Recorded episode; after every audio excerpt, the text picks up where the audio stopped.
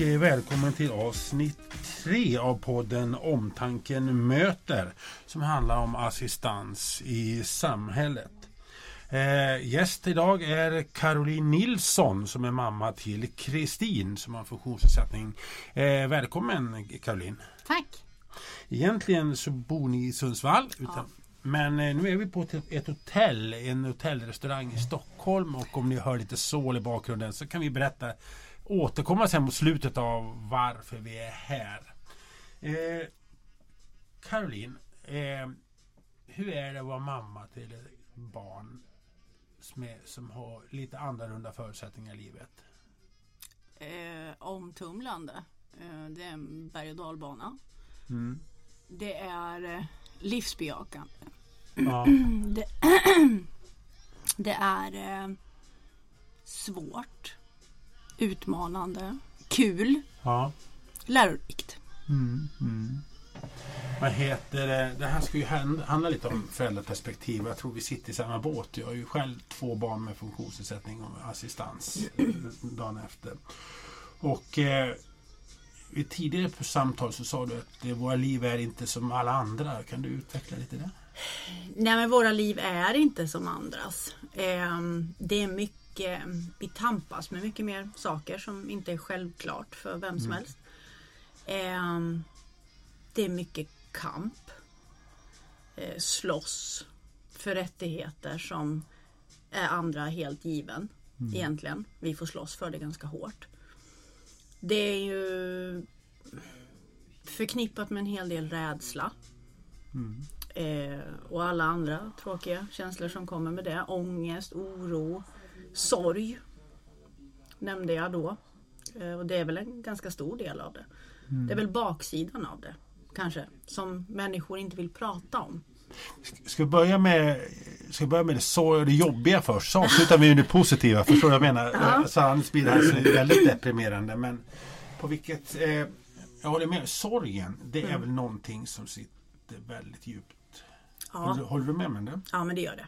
Det gör det. Eh, det är ju en sån där bottenlös sorg som den, den går ju inte över. Den ändrar ju skepnad. Eh, och den blir inte alltid lättare. Folk säger så att ja, men sorg blir lättare ju längre tiden går.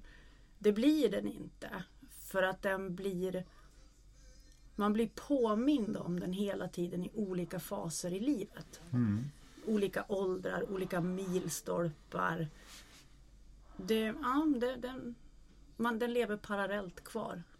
Jag brukar säga att det sitter som en sträng i kroppen. Man, den vrider och vänder. Och, mm. och, det hade kunnat vara så mycket annat. Ja. Å andra sidan så får man lite dåligt samvete som förälder för att ha den sorgen. Varför skulle du det? Därför att vi har våra barn hos oss. Och jag tror att ibland så tar sorgen över. Man glömmer bort det fina man faktiskt har. Mm. Man mm. gräver ner sig lite grann i skärbunkan. Mm. Eh, men jag tror att det kanske är det som i slutändan gör oss bättre föräldrar också. Kristin, din dotter, berätta lite om henne. Eh, Kristin är 19. Mm. Eh, hon fyller 20 nu i november. Hon ligger mentalt ungefär kring 6-7 år. Hon är född med en eh, väldigt ovanlig kromosomduplicering. Så hon har givetvis ett syndrom. Men i det syndromet så finns det ju en mängd olika underdiagnoser. Eh, och när hon Hon är alltså född 2001 och hon fick sin diagnos 2010. Eh, så i, från, från, från 01 fram till 2010 så svävar vi, vi lite i ovisshet. Eh, hon hade ju fortfarande utvecklingsstörningen och autismen och problematiken men vi hade inte namnet på vad det var. Och som förälder någonstans så tror man att när man får namnet då löser det sig. Eh, så 2010 efter mycket detektivarbete och slit ifrån den, den läkare vi hade eh, så fick vi namnet. Och vi fick en broschyr som var liksom ja, som ett turistblad. Sen var det inget mer. Och sen? Det var, det var ingen som visste. Eh, för de hade aldrig hört talas om det. Eh, Vad stod det i det turistbladet?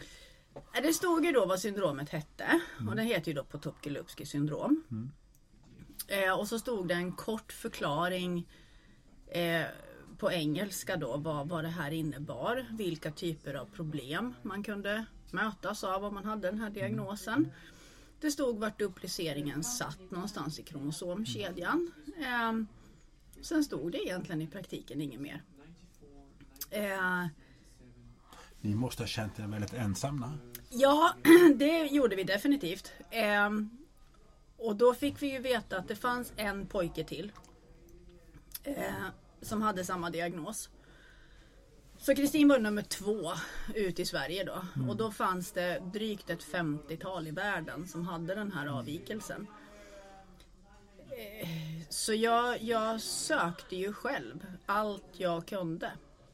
Googlade, sökte olika typer av hemsidor, historik, försökte liksom att, att hitta någonting.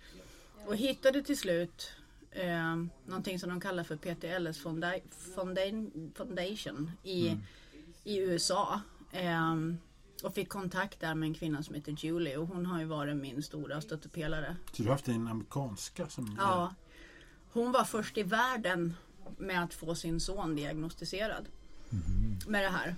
Eh, vilket i sin tur resulterade i att hennes kamp blev ju ännu större.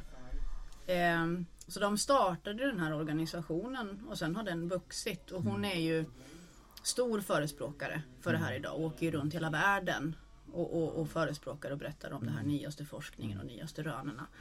Men hon blev min livlina. Hur viktigt är det för dig att veta mycket om eh, diagnosen och syndromet? För mig personligen är det ganska viktigt. Eh, dels för att jag ska veta vad jag kanske har att förvänta mig.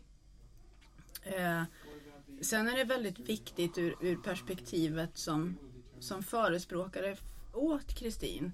När det kommer till sjukvård, när det kommer till skolan, när det kommer till liksom att kräva sin rättmätiga hjälp. Att jag måste ju veta vad det, är, vad det handlar om.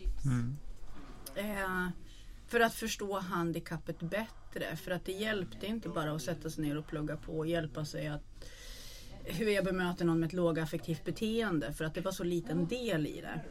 Eh, Ja, för jag själv, eh, sen när vi eh, efter flera, flera år fick eh, diagnosen Angermans syndrom på våra pojkar.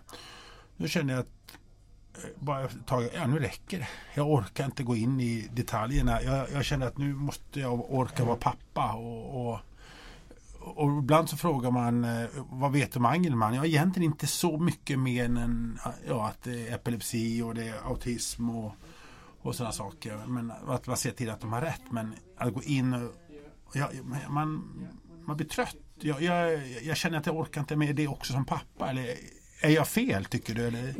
Nej, definitivt inte. Alltså man blir väldigt trött mellan varven. Det blir, men man måste ta ett steg tillbaka ibland två och bara liksom andas och vara bara förälder. Ehm, jag tror att för mig blev det lite så att eftersom att det var så ovanligt och ingen visste så kändes det lite som att nej men, hur ska jag kunna hävda hennes rätt om inte jag vet? Ehm, så jag tog ju reda på det jag behövde veta. Ehm, så det har ju varit många gånger eh, som läkarna säger, men vi vet inte vad vi ska göra. Nej men gör så här. Jaha, okej. Och så har de gjort det och så har det faktiskt fungerat. Ehm, det handlar ju inte om att man ska stå där och säga att ja, men jag var så duktig. Liksom. Men det, det, ja, man lär sig någonting. Och att du kanske känner självförtroende att du kan göra någonting. Ja, jag känner nog mer att jag kanske kan göra det för hennes skull. Mm. Jag kan det och jag har lärt mig det för att göra det för hennes skull. Vad heter det? När vi fick beskeden för våra pojkar. Då upplevde jag att en del vänner som vi hade uppträdde konstigt och, och, och var runt omkring. Du ler du. Känner du igen dig i det där? Ja, men alltså det, det är en del av den här baksidan som jag pratar om. En del av sorgen också faktiskt. Att Oftast normalt sett när man får barn så kommer folk och de kan gratulera och de tycker det är roligt och liksom de vill växa med i familjen liksom som vänner. Eh, får du ett barn som på något sätt är lite annorlunda så blir du lite ensam där. Det var ganska många som inte hörde av sig till oss. Det var så ja. Ja, som liksom ja, de kunde komma och hälsa på om hon inte var hemma. För då var det liksom frid och fröjd. Eh, det var ungefär som att de inte visste riktigt hur de skulle bete sig varken gentemot henne eller mot oss. Eh, och det, det, är klart att i, i den absolut tyngsta stunden när du kanske hade behövt dina vänner så fanns de inte riktigt där. Det var ett fåtal som egentligen stannade kvar och satte sig in i det och förstod vad det, in, liksom vad det handlade om. Um, men de var inte många. Och jag håller med dig om det där att, eh, att de koll, en del kanske kollar liksom, är pojkarna hemma eller inte. Mm. Liksom att det blir lättare då. Sen upptäckte vi att man blev bortbjuden mycket mindre också. Mm. Det, det, liksom, det var inte lika självklart. Nej. Vad är det för samhälle vi har som accepterar sånt där? Vi har väl ett ganska kallt och hårt samhälle. Du ska fylla en norm. Passar du inte in i den så... Jag kan ju tycka att det är tråkigt. Jag kan tycka att det är väldigt tråkigt. Jag kan tycka att de människor som väljer bort oss föräldrar eller vi som får barn som inte är som andra barn eller som väljer bort de barnen de missar ganska mycket. Faktiskt. Mm. Det var en som sa till mig, att du skrev bok om mina pojkar, att eh, ni som är barn, är föräldrar till funktionsnedsatta barn, ni är de bästa föräldrarna för att ni är de mest engagerade och de mest villiga att vilja göra någonting och släpper inte taget. Känner du dig duktig? Nej jag, skulle, nej, jag skulle nog inte sätta det epitetet på det faktiskt. Varför inte det? Äh, nej, jag, jag har så svårt att se det från den synvinkeln. Um, det, det, är klart att om jag ska vara helt ärlig så visst, jag, jag är jäkligt duktig på på Kristins handikapp och vad det innebär. Och jag är inte rädd för att ta en fight. Jag ber inte om ursäkt för att jag har en åsikt. Jag har väl valt kanske också genom åren att välja mina krig. Mm. Eh, Krigar du om allt och alla först? Ja, det gjorde jag. Eh, På vilket sätt uttryckte Allt, på allt. Allt. Var du elak? Ja, oh ja.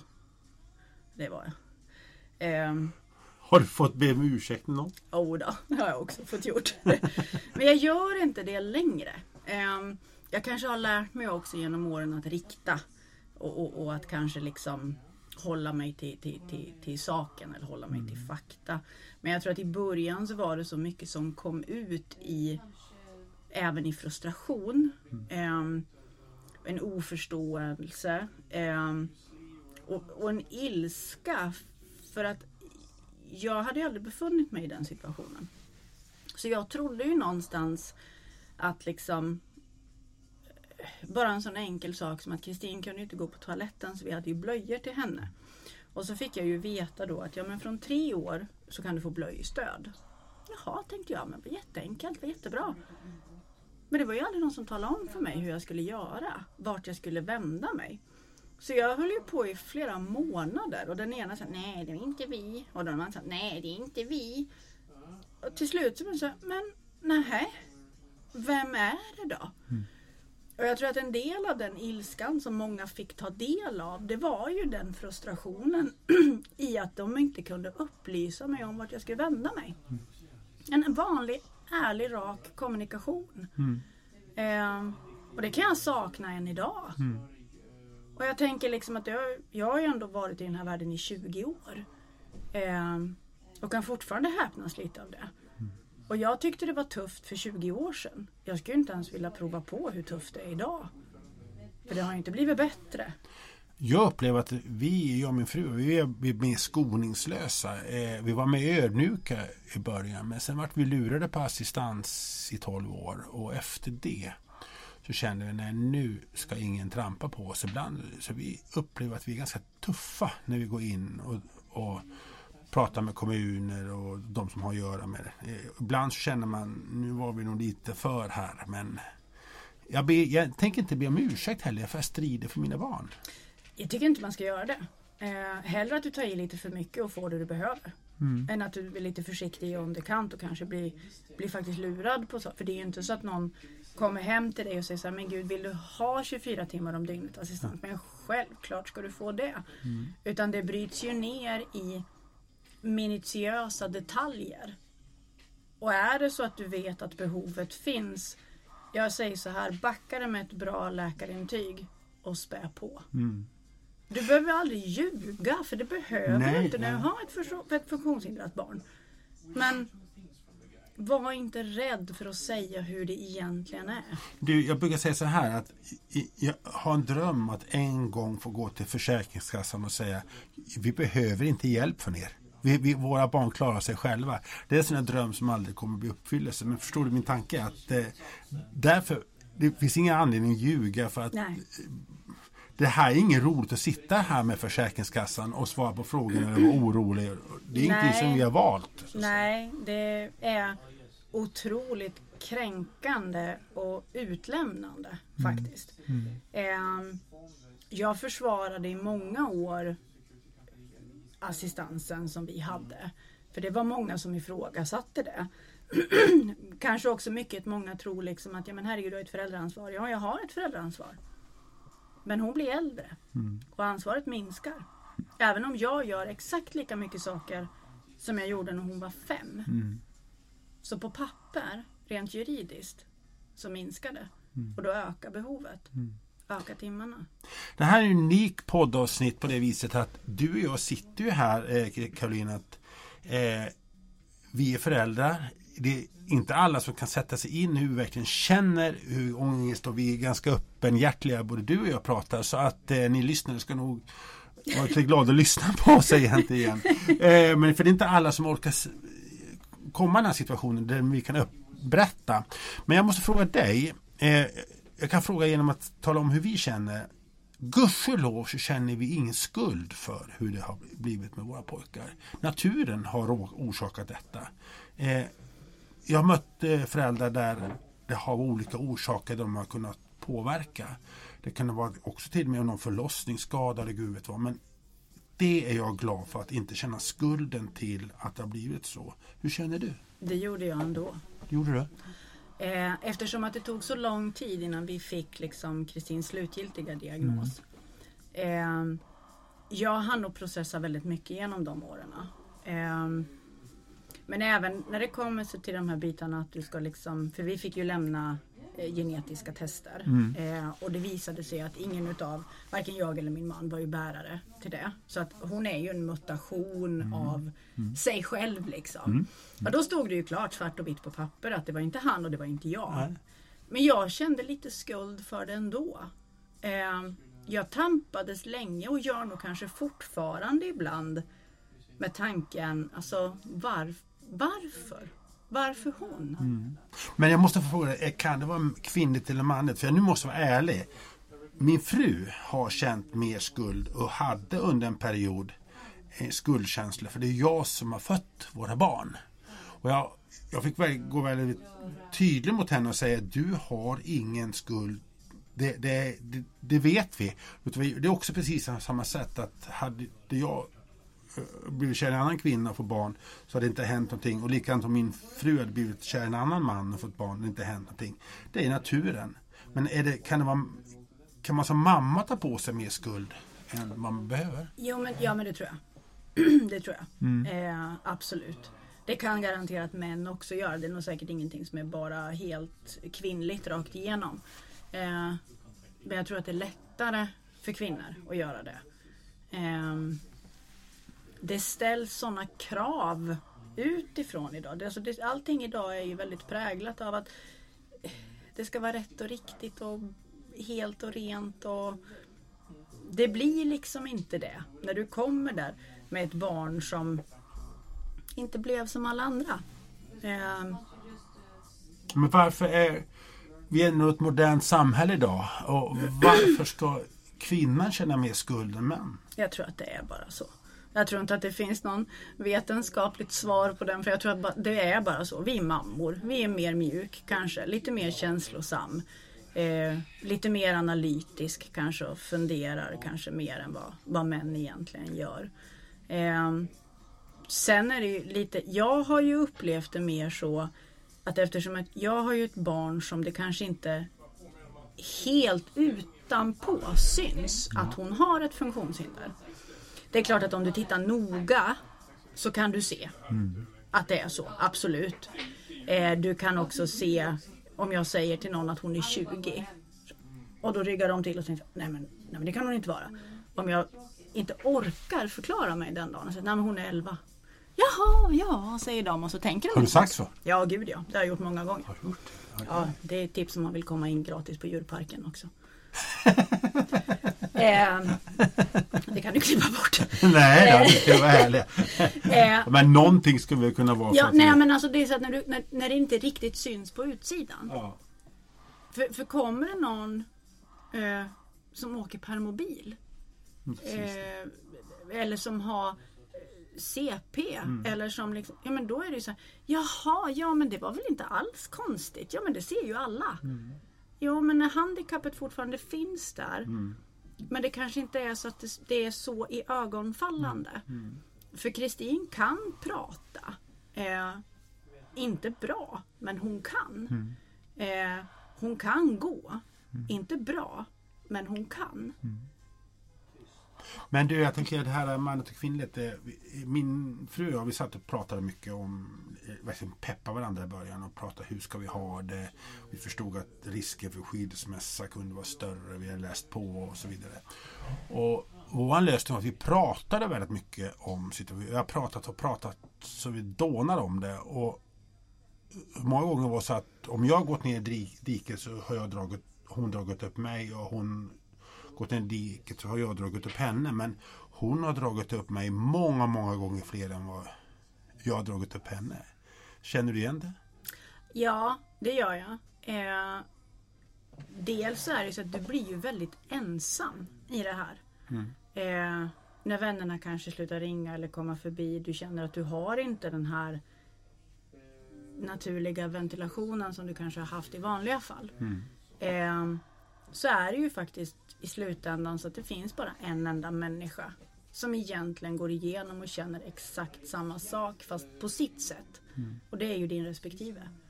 Eh, jag och min man har ju tacklat eh, Kristins handikapp och det på, vi, har ju, vi har tacklat det tillsammans. Eh, fast på två olika sätt. Vilket egentligen har varit pluspol och minuspol. Men på ett bra sätt. För att det var jag som föll. Och jag föll länge. Och jag föll hårt. Han stod ju ganska stabilt i det.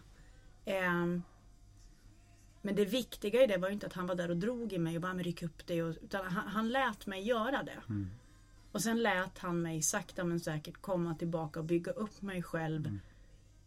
Det var som att jag fick lära känna mig själv igen på nytt egentligen. Nya förutsättningar. Ja, med nya förutsättningar, med nya ögon. Alltså jag gjorde en ganska ordentlig självrannsakan där i också, i allt det här. Eh, och jag kände ju någonstans att jag kan aldrig få honom att egentligen exakt förstå hur jag mår och vad jag känner. För att jag visste ju inte riktigt det själv. Eh, vilket egentligen resulterade i att jag satte mig ner och skrev. Eh, jag skrev en bok. Du, vad heter den? Eh, Den heter Mitt liv med Kristin. Eh, Finns den att få tag på? jag har inte gett ut den. Har inte gett ut den? Nej, Varför inte inte det? Jag, jag använder nog det jag skrev där tror jag som terapi. Men kanske någon vill läsa? Det, den finns att läsa om någon vill jag. Ehm, när jag hade gjort det och verkligen tömt. Då kunde jag resa mig upp.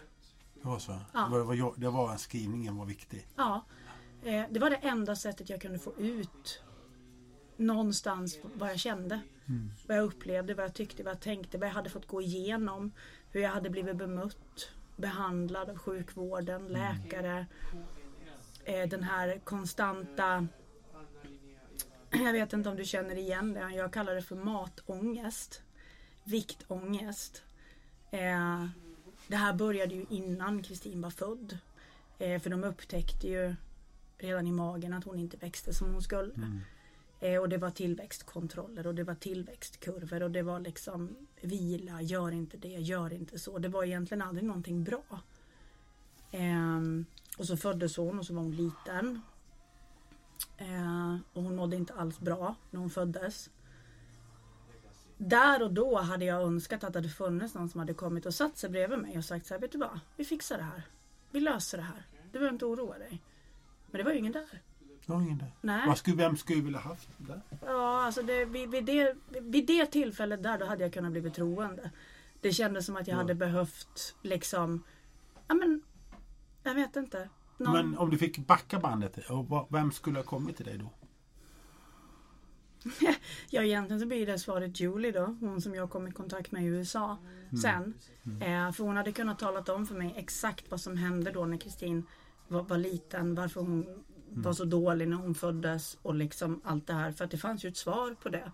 Det svaret fick ju inte jag förrän så många år senare. Det var viktigt för dig att få ett svar. Ja det var det. Eh, och där kom ju all den här ångesten och rädslan. Men du, din man då? Hur har han mått då? Eh, han har nog garanterat upplevt det som jobbigt. Eh, han är väl kanske mer svart eller vit än vad jag är. Eh, och jag tror att han kanske inte bäddade in sig i eh, rädslor och ångest på samma sätt som jag gjorde. Utan det var mer att ja, går det så går det, går det inte så gör det inte det. Eh, han är betydligt mycket mer svart eller vit än mig. Eh, han är mycket mer rationell än vad jag är. Ehm, men det är klart att han mådde ju inte bra i det. Det är klart att han inte gjorde det. Om jag beskriver mig, eh, hur, kan, kan du jämföra med din man kanske då att jag känner att jag måste ta tag i saker och ting. Jag, jag vill lösa det här. Jag accepterar inte att, eh, vad heter det, vi har frågetecken utan man går till läkaren och kom igen nu, kan vi lösa det här? Eller olika knutar, kan vi gå till dagis? Eller, och, och pojkarna ska kunna vara med där och där. Jag försöker vara rationell mycket mer. Ja, så är jag. Det är du. Ja, där, där beskrev du mig. Ja, då är, med. Då är du och jag lika. Ja, då, då, då är vi ganska lika där. Ja. Eh, nej, men alltså, jag tror inte heller riktigt att han eh, visste hur han skulle göra. Mm. Eller vad han skulle göra. Men jag menar, jag menar inte att jag heller vet någonting. Man, bara, man gör någonting. Jag Ja, nej, men jag, jag tror att det var lite så att vi, vi gick väldigt mycket i limbo första tiden för Mm. vi visste inte. Ehm, och han, han eh, gick ju tillbaka och jobbade ganska så snabbt så hans vardag kom ju igång ganska snabbt efter det här. Ehm, så jag tror nog kanske att det var det som också balanserade upp han. Att han fick en, dag, en, en daglig dos av det normala inom situationstecken. Att prata med folk och Det är intressant där du här att du skriver boken att du kände att det var en viktig... Jag skrev ju också Mm. böcker. Men jag, eftersom jag skriver i mitt jobb så bestämde jag mig för att jag ska inte skriva förrän jag orkar skriva. Så det dröjde väldigt många år innan jag satte igång med det. Men det var skönt när det var klart. Men eh, jag satt, jag, jag kan man säga säkert 14 år och, f- och sa liksom nej, jag gör det när jag kan, jag gör det när jag kan. Men sen satt det så var som en syndaflod som kom. Mm, men det gjorde jag med. Ja. Eh, och jag tror att jag försökte eh, sätta mig tidigt. Mm. Eh, men jag kunde inte. Nej, man måste orka. Ja, jag, jag, ja. Eh, och, och den dagen den pluggen släppte. Då kom ju allt. Du, eh, när vi har skrivit en, gjort en intervju med dig på Omtankens hemsida, en profilintervju.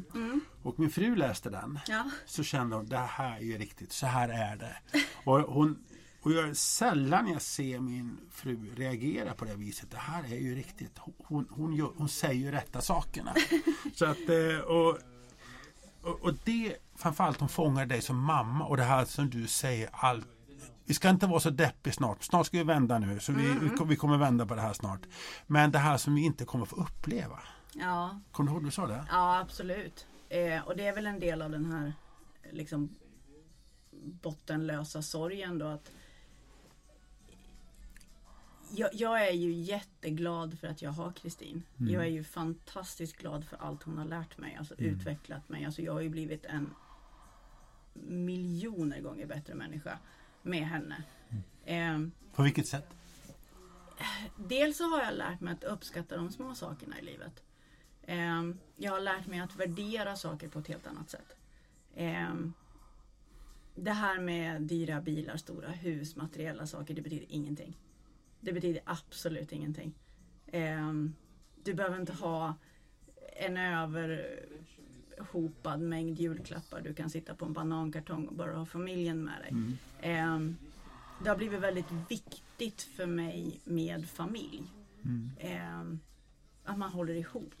Man stöttar varandra. Lite, eller vi mot världen. Ja, det är lite vi mot världen. Mm. Ehm, men, men det här med, med, med, med det man inte får uppleva. Ja, det låter ju jättesjälviskt. Men jag, Som vadå? Det var det, jag tycker att det är jätte... Alltså jag var ju ledsen för det redan egentligen när Kristin var liten. Men att jag skulle aldrig få barnbarn. Jag kommer aldrig att få bli mormor till hennes barn. Mm. Jag kommer förmodligen aldrig få se henne gifta sig. Flytta hemifrån. Mm. Eh, pojkvän, körkort, första jobbet. Åka utomlands med kompisarna. Växa. Bryta sig fri.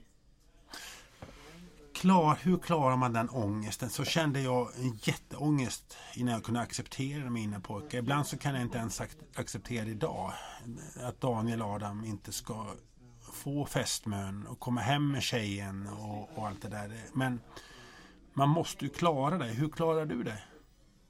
Jag vet faktiskt inte. Jag har nog kommit till en acceptans. Ehm,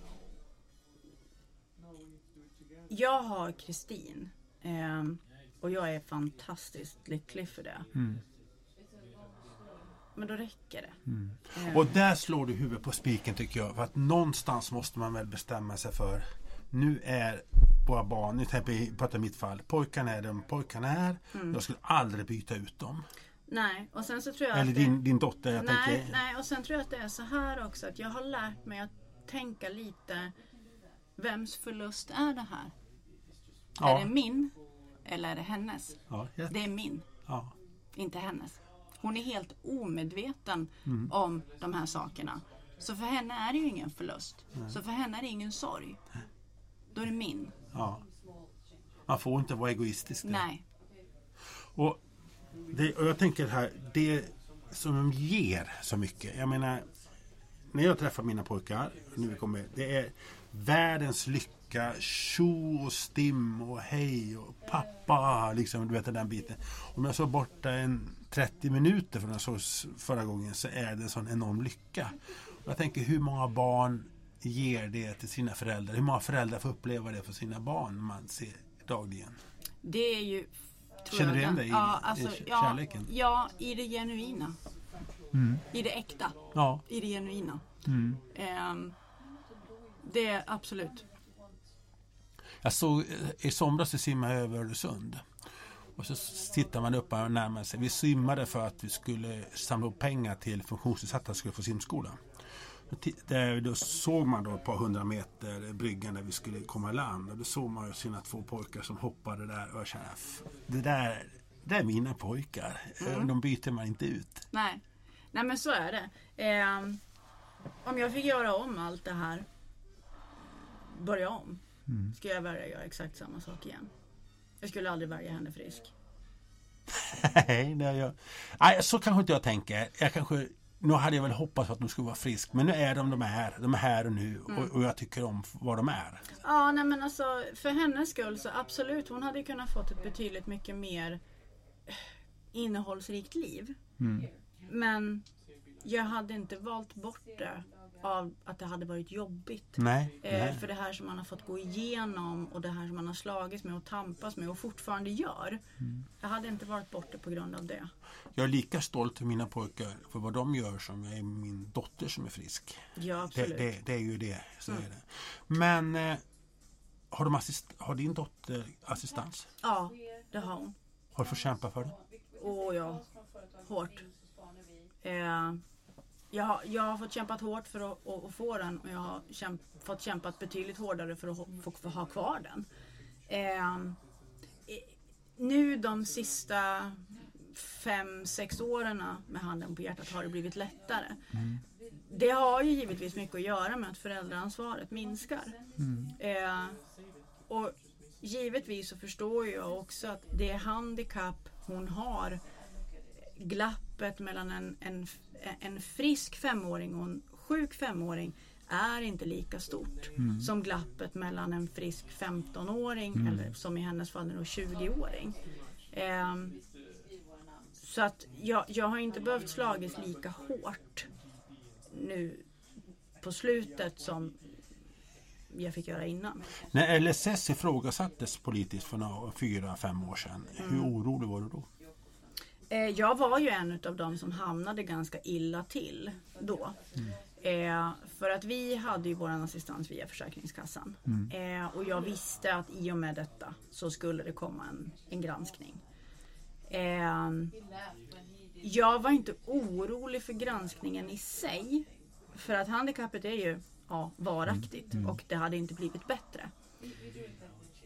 Men inte för att prata ner hela Försäkringskassan men det var ju ganska glasklart vad de hade fått i uppdrag att göra. Och eh, vi tappade ju all assistans. De gjorde henne frisk. Mirakulöst så blev hon frisk. Hon kunde klara sig själv minsann. Jag är inte helt med på riktigt hur de hade tänkt sig där men eh, jag var inte heller kanske direkt tillmötesgående och samarbetsvillig under det samtalet som vi hade när de var på hembesök hos oss. Ehm, och det är väl en av de, de situationerna man får räkna med att man hamnar in i, så att man räknar ner ett liv i minuter. Ehm, hur ofta går hon på toaletten? Hur lång tid tar det? Eh, tar det verkligen så lång tid? Måste hon verkligen duscha fyra dagar i veckan? Måste hon verkligen få hjälp att ta på sig det här och det här? Och jag, jag kände någonstans just då och där att fy fan på ren svenska. Jag tänker inte sitta här och förklara det här för dig. Ehm, Men då höll du på att missa assistansen? För att du blev vi så... gjorde det. Ja, och det höll på att kosta. Ja, vi, vi, vi, de drog ju in allt. Eh, så då eh, gjorde jag så att jag överklagade det beslutet. Eh, och så skickade vi ju in en ansökan till kommunen. Kommunen kom, de gjorde ett besök, de tittade på papperna och sa att ja. Det, Känslorna tog över lite för förnuftet. ja. Eh, så blir det ibland. Kände du att du spelade högt? Dina känslor? Jag förstår. Jag är ju själv varit i samma situation. Jag, jag skulle väl bara kasta ut dem och, och, och känna Det var väl egentligen det jag bokstavligt talat gjorde till slut. du gjorde det som inte jag gjorde. Ja.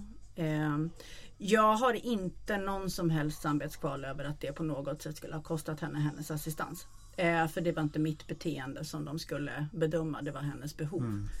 Eh, och jag tycker någonstans att när man som handläggare på Försäkringskassan frågar varför man inte lämnar sin 16-åring ensam och jag säger att ja men det går ju inte för hon klarar sig ju inte själv. Och hans svar blir Har du testat? Ja, jag förstår. Då tyckte jag att vet du vad, vi är klara nu. Du kan gå. Förfärlig fråga. Ja. Ehm, Har, har inte, hade han inte läst medicinskt utlåtande? jag tror inte att han var intresserad av det. men, jo, men det är ju ett tjänstefel. det är väl klart att det är det. Men jag fick ju min upprättelse ändå. Men du fick tillbaks det och du fick via kommunen då, och vek sig då Försäkringskassan? För de, Ja. de, de viker sig ju inte alltid. Ja, det gjorde de. Det gjorde de. Hade du jur- jurister med dig när du Ja, det hade jag. första gången? Ja. För är... Inte första gången, Nej. eh, men, men eh, jag hade ju Jag var ju lite förutseende så jag hade ju redan kontaktat en jurist eh, inför omprövningen av Försäkringskassan. För jag sa att du kommer få förbereda en överklagan för vi kommer att tappa det här. Eh, och han var så nej men det går ju inte. Jo men det gör det visst. Och det gjorde det ju.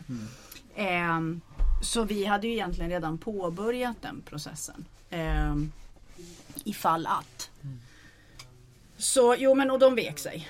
Eh, jag fick aldrig någon ursäkt men det hade jag inte förväntat mig Men vi vart ju lurade som sagt var. För de, de eh, sa att du skulle tappa vårdersättningen för kommun. Det säger de till alla. Ja, och eh, vi vågade ju inte gå in på assistans för, och så vidare. Men det var ju medvetet lurigt. Vi fick en ursäkt för det där men, och uppmanade att JO-anmäla men vi orkade inte. Det, det blev för mycket. Så där var det faktiskt för oss också. Jag var ju hemma med Kristin väldigt länge eftersom att hon var så infektionskänslig.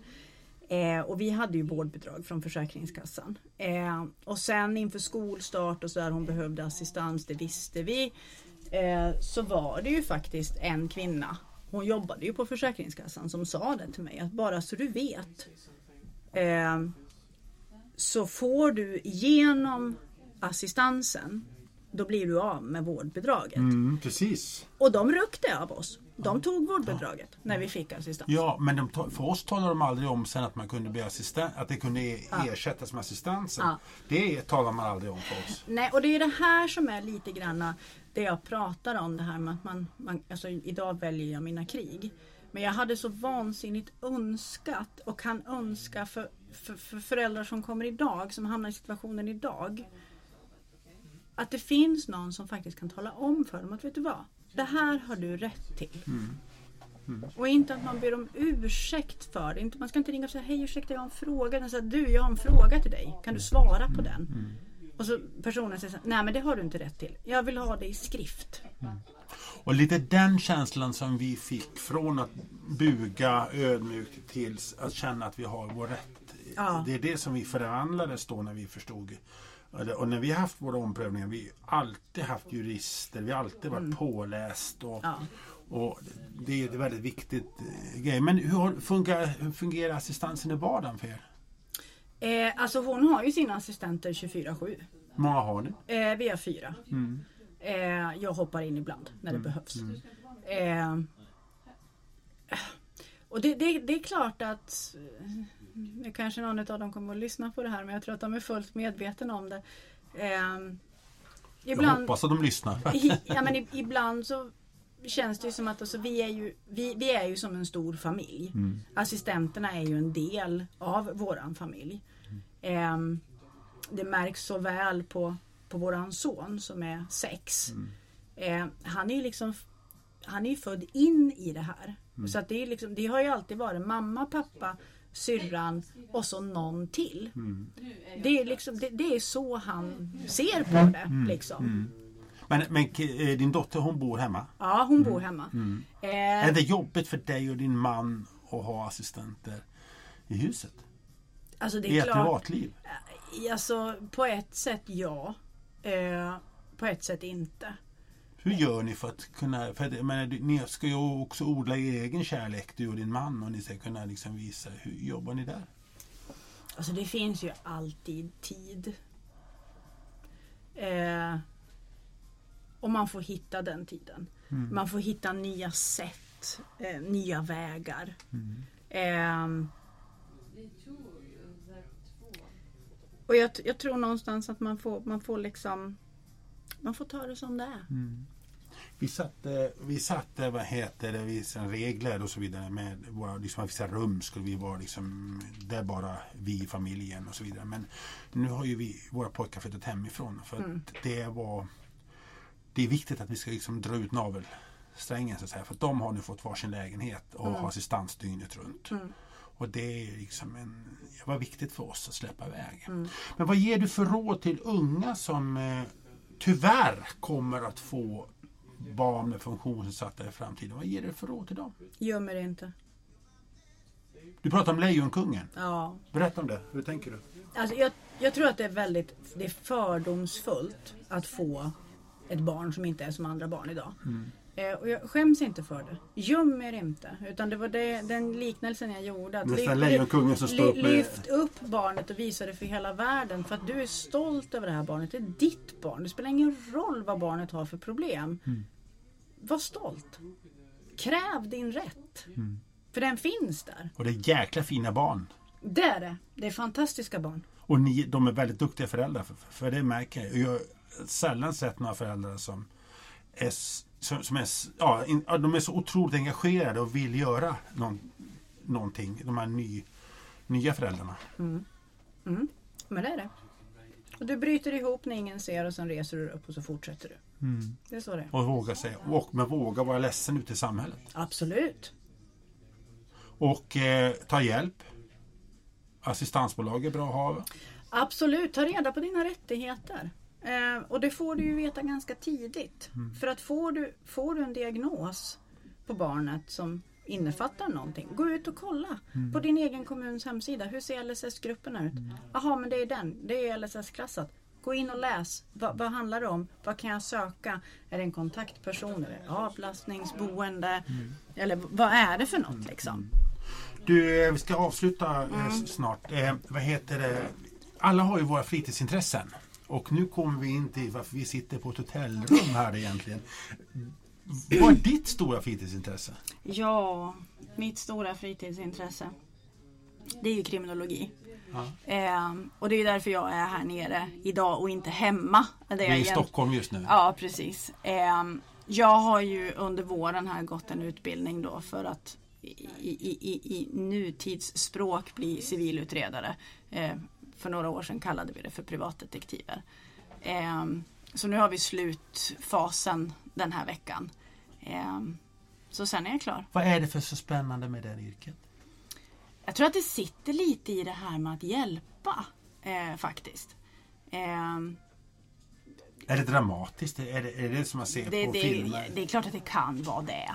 Eh, men det är samtidigt inte dramatiskt på det sättet. Men, men det, det, det är ju ett brett spann. Det kan ju vara allt ifrån att du vill ha en bakgrundskontroll på någon. Ett företag ska säljas till ett annat företag. Men, det men att det finns utbildningar för det här. Ja, gör det. Det är, för många är det här väldigt förvånande att det finns det.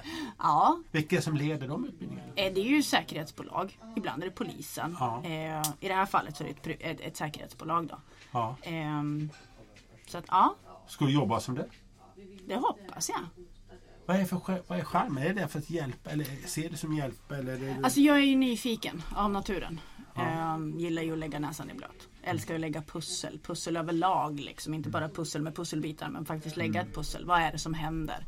Vad har hänt? Varför har det hänt? Hur har det gått till? Vem har gjort det? Vad är motivet till det? Det, det är klart att det, det är ju sånt som det, det, ja, det är sånt som gör att jag Jobbar du mycket ihop med polisen då? Eh, nej, det, det kan jag inte säga att jag gör. Just nu så har jag egentligen haft mest privata uppdragsgivare.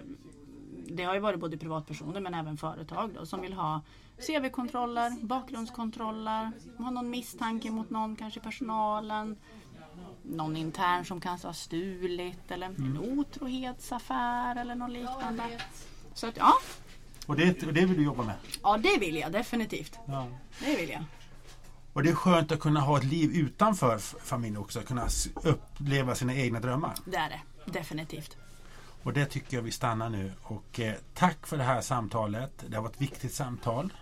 Eh, jag tackar dig Caroline. Jag tackar också ni lyssnare som har varit med och lyssnat. Och jag som tackar heter Anders Hansson och jag önskar er välkommen tillbaka till nästa avsnitt av Omtanke möter. Ha det så bra där ute. Hej då!